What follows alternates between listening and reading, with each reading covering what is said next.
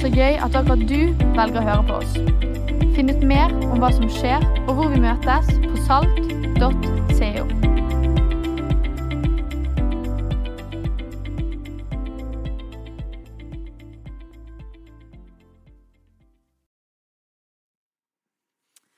Hallo! Hyggelig å se dere. Jeg heter Elisabeth og jobber jo da i denne kirken. Og um, utrolig kjekt å være her etter Jeg har vært noen uker på sommerferie. Eh, og det å komme tilbake til kirken altså Jeg elsker å være i kirken. Eh, å komme sammen og være til gudstjeneste og lovsynge sammen. Og bare være sammen som kirke. Så bare helt i begynnelsen En av de sørgelige tingene med å være en kirke midt i Norges nest største studentby, det er jo at man har folk som kommer i noen år, og så flytter de, og så kommer de kanskje tilbake. Og rett før jeg skulle på scenen, så fikk jeg en nøkkel av en kjær tekniker som skal reise bort, forhåpentligvis for et år eller noe. Så jeg ville bare at uh, ville bare takke han. Eskil han styrer skjerm, så hvis dere syns det er bra skjermstyring i dag, så kan dere klappe han på skuldra etterpå. og så kan dere og teknikere, dere. altså Teknikere de er liksom grunnvollen i altså Det skal jeg ikke si, men vi har utrolig vi har utrolig mange fantastiske frivillige i kirken vår. Og teknikerne er med den gjengen som er så trofaste og gjør så mye i det skjulte. Så de er det utrolig gøy og viktig å huske på og gi en klapp på skuldra og liksom heie på. De gjør så mye for oss. Så vi ønsker deg lykke til, Eskil, dit du skal i nord, og gleder meg til du kommer tilbake. For Bergen er jo byen å være i. Men altså, jeg har da for første gang i mitt liv, siden korona gjorde liksom sommerferien i fjor litt sånn amputert, så vidt jeg husker, eh, så i år har jeg vært på familieferie for første gang. Vi har et lite barn på to år snart, og eh, det var veldig gøy. Vi har vært i en eh, safaripark, dyrepark og tivoli og Danmark. Og um, altså, Noen opplevelser var mest gøy for de voksne, f.eks. denne. altså Det var litt skremmende, akkurat den dinosauren. Som, bare så dere vet det, det er ikke en ekte dinosaur, hvis du var redd for det. Men han er jo verdens søteste, det kan dere se. Også mannen, som eh, heter Ruben. da. Men eh, jeg har kommer kommet fra en stor familie, eller egentlig ikke så veldig stor, men jeg hadde i hvert fall en mormor som jeg var masse sammen med. Og hun var et fabelaktig menneske. Hun var en kristen og snakka mye om Jesus. Og eh, på soverommet sitt så hadde hun et bilde. Det så sånn her ut. Gammelt, grått-hvitt. Det heter 'Den store hvite flokk'. Og um, hun sa til meg, mormor, da, forklarte at oldemor var blant de menneskene der. Oldemor hadde dødd da jeg var veldig liten, så jeg kunne nesten ikke huske henne. Men nå sto altså oldemor der. Og der skulle hun synge i himmelen til Jesus i all evighet. Og da tenkte jeg sånn Det hørtes utrolig kjedelig ut. Skal du synge for alltid? For du ser liksom at det er en flokk som er samla og ser mot et punkt da, som vi forstår skal være Jesus. Eh, og jeg syns det virka så lenge. Og liksom, ja, Det er greit at vi har mye å være takknemlige for til Gud, men så lenge i all evighet skal vi virkelig synge så lenge. Hvordan det faktisk er i himmelen, det vet ikke jeg så mye om. Vi har noen hint i Bibelen, men det er få av oss som kan si det blir sånn og sånn og sånn. Men det jeg vet, er at lovsang det er en stor og naturlig del av det livet vi kan leve her på jorda som kristne. Og eh, Det har jeg lyst til å snakke om i dag, lovsang. Og Det var utrolig gøy å høre dere snakke her, Morten og Jens Gustav og Ragnhild, om lovsang.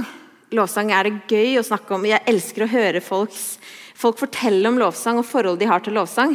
Fordi det, en, det kan være en viktig del av livet våre. I Salmenes bok den er ca. midten. Det er veldig greit. Hvis du ikke så, har så oversikt over Bibelen, så kan du alltid si la meg lese et vers fra Salmene. for Hvis du åpner i midten, så treffer du nesten alltid. Så Da kan du late som du er veldig god på Bibelen. Men eh, Jesus, det, er det, det, er ikke derfor jeg har dette. Det er litt mer intensjonelt, jeg lover. Men altså, Salmenes bok den er full av lovsanger til Gud. Israelsfolket brukte sanger i alle anledninger. Og Vi kan se gjennom Bibelen at mange mennesker eh, som vi får møte der, de kom til Gud med lovsang når de hadde noe på hjertet. De kom til Gud med takk og bønn. Og Jeg vil ta dere med til Salme 100.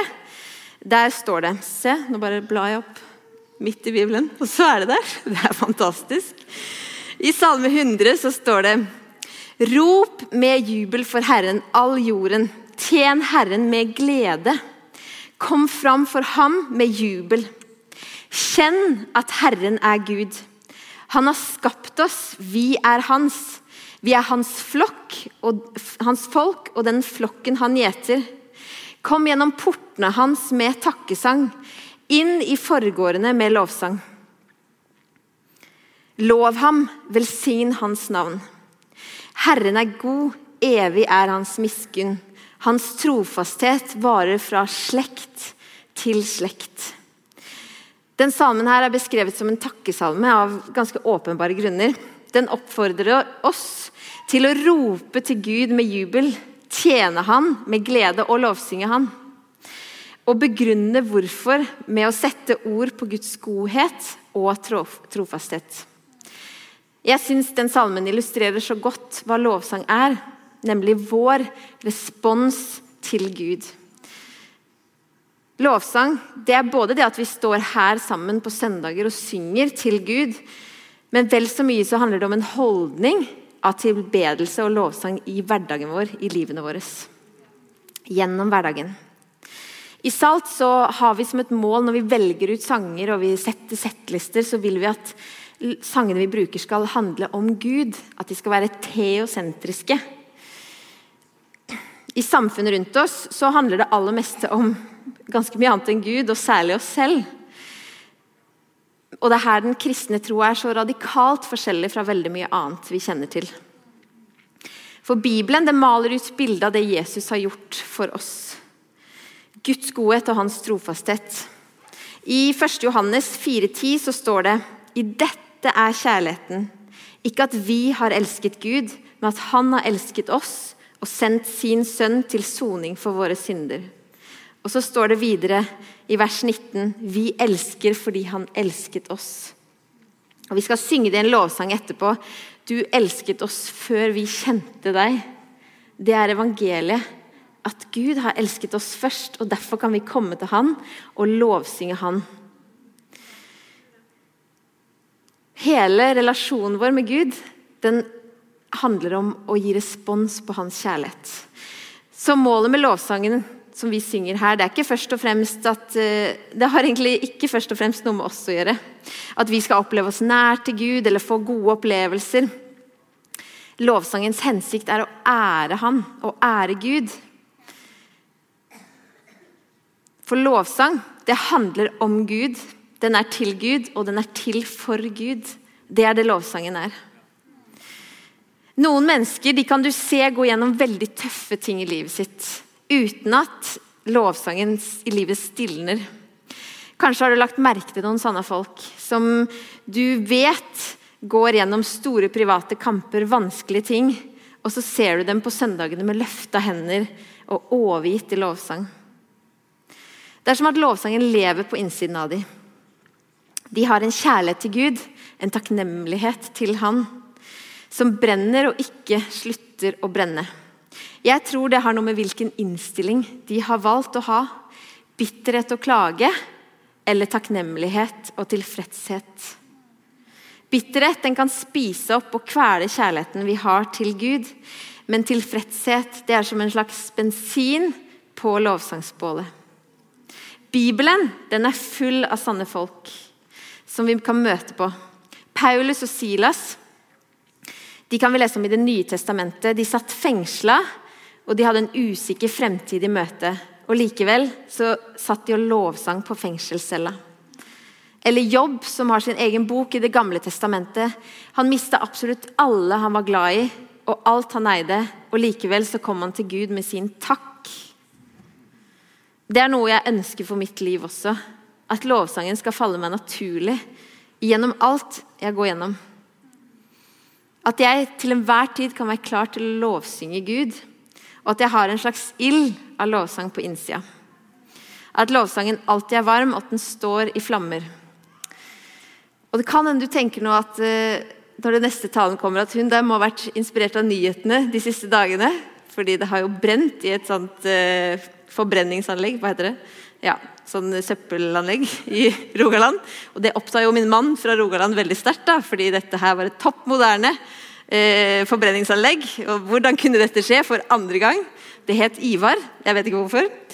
Men nok om det. Det var fra nyhetene. Nå skal vi, det handler om lovsang. Fordi ild og brann det er, synes jeg er god, et godt bilde på lovsang. Eh, og hva som skal, så jeg vil si, snakke om hva som skal til for å holde den lovsangen brennende. Vi har minst én brannmann her i Bergen. Saltbergen, ikke i Bergen, heldigvis. Men i Saltbergen så har vi minst én brannmann.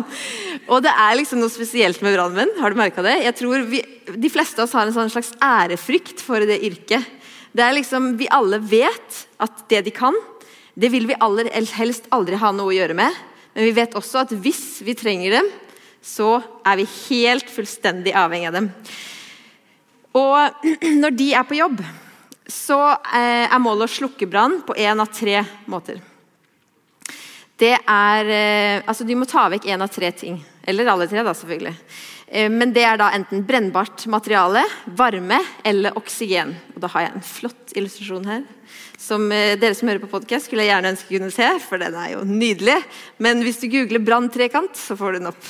Så Eh, så Det betyr at det er tre måter å slukke en brann på. Kutte tilgangen til brennbart materiale, stoppe tilgangen til oksygen, eller nedkjøle det som brenner med vann eller et eller annet annet stoff. Altså justere temperaturen, få ned temperaturen.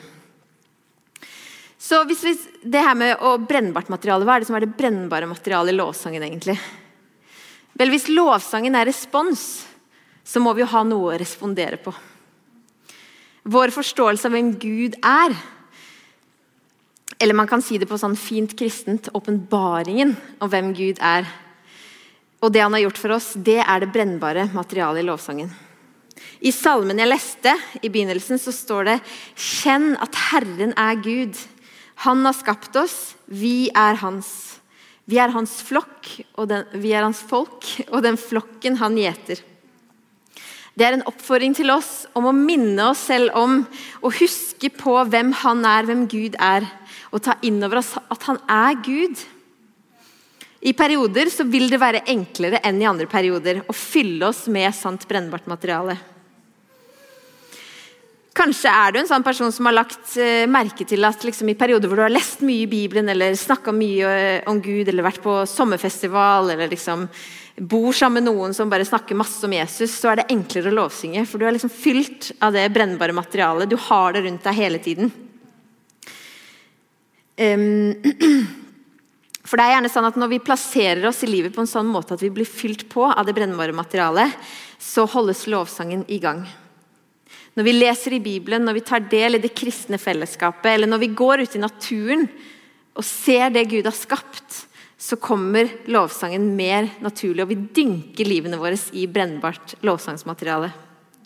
For det er særlig tre steder som jeg tror er nyttig for å hente brennbart materiale. I det Gud har skapt, naturen, og i eh, historien om hans trofasthet og godhet, som vi kan lese i Bibelen. Og så til slutt, men absolutt ikke minst, evangeliet, som også er her. Historiene om Jesus og hva han har gjort for oss. Og så Når vi har dette her innabords, så vil det være lettere å la lovsangen flamme. Og Det vil også holde i de periodene som kanskje ikke tiden strekker så mye til. Så vil det være der på innsida. Og i perioder der det blir vanskelig, så kan vi bli minnet på det og vende oss tilbake til å hente mer brennbart materiale, og så vil lovsangen komme i gang igjen. Den andre måten å fjerne eh, å slukke en brann på, det er å fjerne oksygen. En flamme må ha oksygen for å brenne. og Det er jo derfor vi ikke kan holde liv i et stearinlys som vi setter en kopp over. I lovsangstermer så er liksom oksygenet Den hellige ånd. Vi kan invitere Den hellige ånd inn til oss. I Filipperne 3.3 så står det at vi tjener Gud ved Den hellige ånd. Vi gjør tjeneste ved Guds ånd Vi har vår stolthet i Kristus Jesus og setter ikke vår lit til det ytre. For at lovsangen skal brenne på innsida, så må vi ha Den hellige ånd. Selvfølgelig så handler jo det om å invitere Den hellige ånd hit. Sånn som Felicia når hun leda lovsang i stad, så sa hun du er velkommen hit. Men vi kan også invitere han inn i alle tingene vi har i hverdagen vår. Invitere Den hellige ånd til å lede oss, til å vise oss ting og åpenbare mer og mer om hvem Gud er. Det kristenlivet andre folk ser at jeg har, det ønsker jeg skal bare være en liten flik av det livet og den relasjonen jeg har med Jesus. Når folk ser at jeg går i kirken, eller ser at jeg synger i lovsangen, eller om jeg poster et eller annet på sosiale medier om Gud, så vil jeg at det skal bare være en minidel av det livet som faktisk fins på innsida. At det er en slags toppen av isfjellet. At jeg fyller meg med det brennbare materialet hele tiden og inviterer Den hellige ånd inn i hverdagen min, langt utover søndagene mine.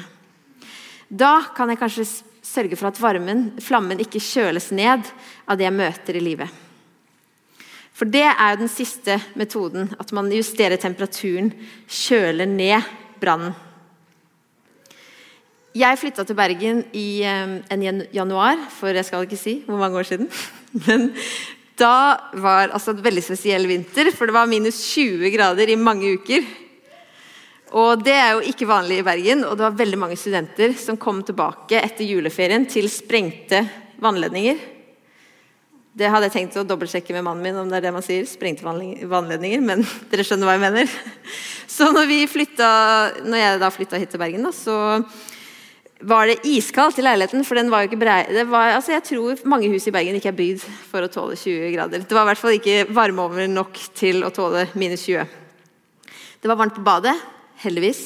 Men til resten av leiligheten så hadde vi da bare én ovn. Og det var en sånn oljefyrt, deilig ovn. Har du en sånn? Rekk opp en hånd hvis du har en sånn hjemme. Ja, det er en fantastisk ovn. Altså, Den var jo vi sikre på at kunne varme opp alle de andre seks rommene som fantes i leiligheten. Bare vi plasserte den midt i stua, som var midt i leiligheten. Og Da kjørte vi den på full guffe opp. Og det vi ikke visste, på det tidspunktet, det var at disse Det vet kanskje ikke du som har en sånn ovn heller. At de har en sånn slags utløpsdato. De varer i fem til syv år, og etter det så skal man ikke bruke de, rett og slett. For det som kan skje da, hvis du bruker den, det skjedde med oss at den kom et slags pop, og så begynte det å brenne. Og det sprutet flammer ut av denne her eh, ovnen. da. Så min venninne Mia Lene hun løp raskt, så vi slapp å ringe til brannvesenet. Og hentet et brannslukningsapparat og fikk da slukket brannen. Med et sånt fint hvitt pulver som la seg over hele stua. Det ble sånn deilig gråhvit farge. Veldig sånn naturlig skandinavisk look på leiligheten. Så det var veldig fint. Og det jeg ikke visste, det var at det pulveret gjør, det er at det binder varmeelementer, sånn at brannen kjøles ned og forsvinner. Så brannen stoppa. Og akkurat sånn som det pulveret stoppa flammen, så kan bekymringer og stress i livet vårt stoppe lovsangen i livet vårt. Eller tappe oss for den kjærligheten vi har til Gud, og dermed også lovsangen. Det er ikke egentlig de negative hendelsene kanskje som stilner lovsangen, men det er hvordan vi forholder oss til og makter å stå i de. Blir vårt bilde av Gud farga av det vi opplever, og hvordan vi har det? Blir vi bitre og skuffa på Han? Kanskje tenker at vi må ha en pause fra lovsangen, eller pause fra kirken, eller pause fra det og det? Salme 100 oppfordrer oss til å søke Gud. Kom gjennom portene hans med takkesang, inn i forgårdene med lovsang. Gud inviterer oss til å komme framfor Han med lovsang. Det står ikke 'når du har det bra' eller 'når alt er på stell'. Det er en uforbeholden invitasjon. Noen ganger så kan det komme ned til noe helt enkelt, men ofte veldig vanskelig valg. Å feste blikket på omstendighetene eller å klamre oss til Gud og velge å lovsynge Han selv når vi har det vondt. De menneskene som makter det, når livet virkelig butter imot, de inspirerer meg noe voldsomt. De har tatt inn over seg og forstår hvem Gud er. De holder fast på kjærligheten som Gud har gitt. Og det gjør dem i stand til å lovsynge selv gjennom utrolig vanskelige ting. Og fordi, nettopp sånn som Morten sa, fordi at lovsangen handler om Gud, så kan vi lovsynge selv når vi har det vanskelig. Men betyr det at vi bare skal lovsynge og glemme alt som er vondt? Og ikke ta livet på alvor, sånn som det faktisk er? Leve i fornektelse? Nei, selvfølgelig så absolutt ikke. Langt over halvparten av salmene i min favorittbok, som du kan slå opp i midten av Bibelen, de er langt over halvparten er klagesalmer. Det er salmer som anerkjenner livets realiteter og peker på Gud. Det er en spesifikk tvist til disse her klagesalmene. Hvis vi ser på Salme 89, så er det en som heter Etan, som har skrevet den. og Han begynner med å lovsynge Gud. Jeg vil alltid synge om Herrens miskunn. Fra slekt til slekt skal min munn gjøre din trofasthet kjent. Jeg sier miskunn bygd for evig, din trofasthet er grunnfestet i himmelen. Dette høres ut som en mann som har både livet og relasjonen med Gud på stell. Men så videre til vers 47 så kommer dette. Hvor lenge, Herre, vil du skjule deg for alltid? Hvor lenge skal din harme brenne som ild? Husk at livet mitt er kort. Var det forgjeves at du skapte alle disse menneskene? Etan stiller spørsmål til Gud. Han stiller ikke spørsmål ved Guds person. Han holder fast på hvem Gud er, selv når han anerkjenner sin egen fortvilelse. Og han er ærlig med Gud om hvordan han har det, og hva han lurer på. Og så avslutter han salmen 'Velsignet er Herren til evig tid'. Det går an å anerkjenne livets realiteter og lovsynge Gud. For lovsangen har rom for at vi kan komme sånn som vi er, til Gud, fordi han er den han er. En forfatter har en gang beskrevet Salmenes bok som lovprisning i Guds nærvær og fravær. Med andre ord så er salmene full av lovsang som passer både de gangene Gud oppleves nær, og de gangene han føles fjern. Selv Jesus han brukte salmene i sine mørkeste time. Da han hang på korset for vår synd, så ropte han ut, 'Min Gud, min Gud, hvorfor har du forlatt meg?' De ordene står i Salme 22. Og når han trakk sine siste åndedrag, så sa han, 'I dine hender overgir jeg min ånd. Det var salme 31. I sitt verste øyeblikk så brukte Jesus salmer som var kjente på den tiden.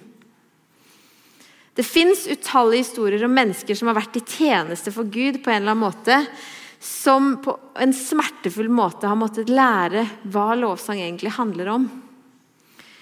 Jeg, altså, jeg hadde noen uh, superforbilder da jeg var tenåring. De er et tvillingpar fra Flekkhaug.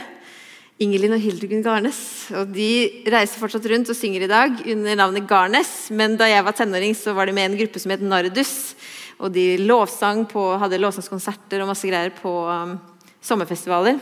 Men jeg kan aldri glemme på Tennoase, en sommerfestival, hvor en av tvillingene kom opp og hadde et vitnesbyrd. Og hun fortalte at hun hadde fått knute på stemmebåndet som gjorde at hun ikke kunne synge. Hun kunne ikke gjøre det hun var vant til å gjøre for Gud. Og så lærte hun det at Gud var jo ikke egentlig så interessert i alt hun kunne gjøre for ham. Han var interessert i henne. Og det holdt at hun, om hun sto i salen og ikke fikk ut et ord, eller om hun satt hjemme og tilba Gud med tankene, så var det det Det handler ikke om hva vi kan gjøre for Gud. Det handler ikke om hva vi får til, eller om vi kan synge bra, eller om du kan være med å spille lovsangstime. Lovsangen handler om Guds godhet, hans trofasthet og Jesu nåde til oss. Vi kan få takke Gud og sette ord på hvem han er, og hva han har gjort for oss. Sanne lovsangere som har en sånn uslokkelig flamme på innsiden. Det har jeg en drøm om at vi salt kan være. Mennesker som er planta i vissheten om at Gud, han holder, og han har frelst oss gjennom de tingene vi opplever. Og Selv om lovsangen er til Gud, så er han alltid raus og møter oss. Han vil møte oss. Det er derfor vi kan oppleve nærvær, Den hellige ånd, og at vi kan se mer om hvem Gud er når vi deltar i lovsang. Og Vi kan lovsynge på mange forskjellige måter. For meg selv, og kanskje flere her, så elsker jeg å stå og lovsynge. Altså, To-tre timer det kan bli litt lenge, men eh, Om det går en halvtime, så gjør det meg ingenting. For andre så er det ikke det som er liksom selve hjertespråket. Da er det kanskje mer at man går på Ulrikken og synger til Gud mens man puster og peser. Vi har forskjellig hjertespråk med Gud, men når vi kommer her, så handler det om at vi skal ære Gud. I løpet av de siste tiårene så har lovsangen på gudstjenester i sånne type kirker som dette her, det har blitt påvirka mer og mer av populærkulturen, eller kontemporær musikk, som vi sier. Det er jo da at den representerer det vi hører i samtida vår. At eh, det minner om det vi hører utenfor kirken også. Og Når vi henter kultur fra ett sted til et annet, så får vi noe som er veldig bra, og så kan vi få ting som, vi ikke, eller som egentlig krasjer med hensikten i det vi vil gjøre. Og Det fikk eh, en kirke i England på 90-tallet oppleve. Det var en kirke som var toneangivende innenfor lovsang. Altså det, de hadde noen av de fremste låtskriverne. En som heter Matt Redman, eksempel. Han har skrevet noen av de største lov, lovsangene som er sunget masse. Du har garantert hørt om de, selv om dette skjedde på 90-tallet. Men altså, Mike Belavacci han var pastor der i denne kirken. og han, han er veldig opptatt av lovsang og hvordan vi holder på med lovsang og hvordan vi gjør det. Og så merka de at fordi de var blitt så toneangivende, så var det veldig mange som begynte i den kirken og kom på besøk i kirken fordi de ville oppleve, komme og oppleve lovsangen der. De hadde gitt ut masse plater, de hadde masse produsenter og låtskrivere og musikere som var utrolig dyktige. Så folk kom for å få en opplevelse av lovsang. Pastoren Mike Pelavacci han sa at han flere ganger møtte folk som sa sånn I love coming to the worship sessions. It gives me such a good cry. De kom for å få en god opplevelse. Altså, er det noen som liker å godgråte? hvis du kommer på gudstjeneste for å godgråte i lovsangen, så kom og ta en prat, så skal vi snakke om hva lovsangen handler om. Men altså, da, det som skjedde da, var at Mike Pelavacian sa sånn dette har vi mista helt fokus av hva lovsangen handler om. Lovsangen skal jo være til ære for Gud. Og så så han på musikerne og låtskriverne sine, og de var mer opptatt av å ha noe nytt og noe friskt og noe kult å være de fremste låtskriverne enn å faktisk ære Gud. Så lederteamet i kirken gjorde et utrolig modig valg. De bare kutta ut all teknikk, alt band, og så sa de til menigheten at nå skal vi samle oss kun med stemmene våre. Og så sa Mike Pellavacci til forsamlingen Når du går gjennom dørene denne søndagen, hva tar du med deg som ditt offer til Gud? Når vi kommer på gudstjeneste sammen, så kommer vi for å ære Gud og tilbe Han. Lovsang handler om Gud og er til for Han. Så jeg vil utfordre deg, når vi nå skal gå inn i lovsang, til at du faktisk bærer fram sangen din som et offer til Gud. Etter denne sesongen i denne kirka som faktisk varte noen måneder, hvor de ikke hadde noen ting annet enn bare stemmene, så skrev Matt Redman en lovsang som kanskje du har hørt. Den har i hvert fall blitt sunget millioner av ganger. Og den går sånn her. I'm coming back to the heart of worship, and it's all about you. It's all about you, Jesus. I'm sorry, Lord, for the thing I've made it. When it's all about you, it's all about you, Jesus. Vi skal synge en sang nå som ikke er denne, men som vi synger 'Du elsket oss før vi kjente deg'. Gud har elska oss, og det er derfor vi kan lovsynge Han. Vi kan løfte opp hans navn fra der vi er i livet vårt. Det handler ikke om oss, det handler om han. Så jeg inviterer deg til å være med i lovsang.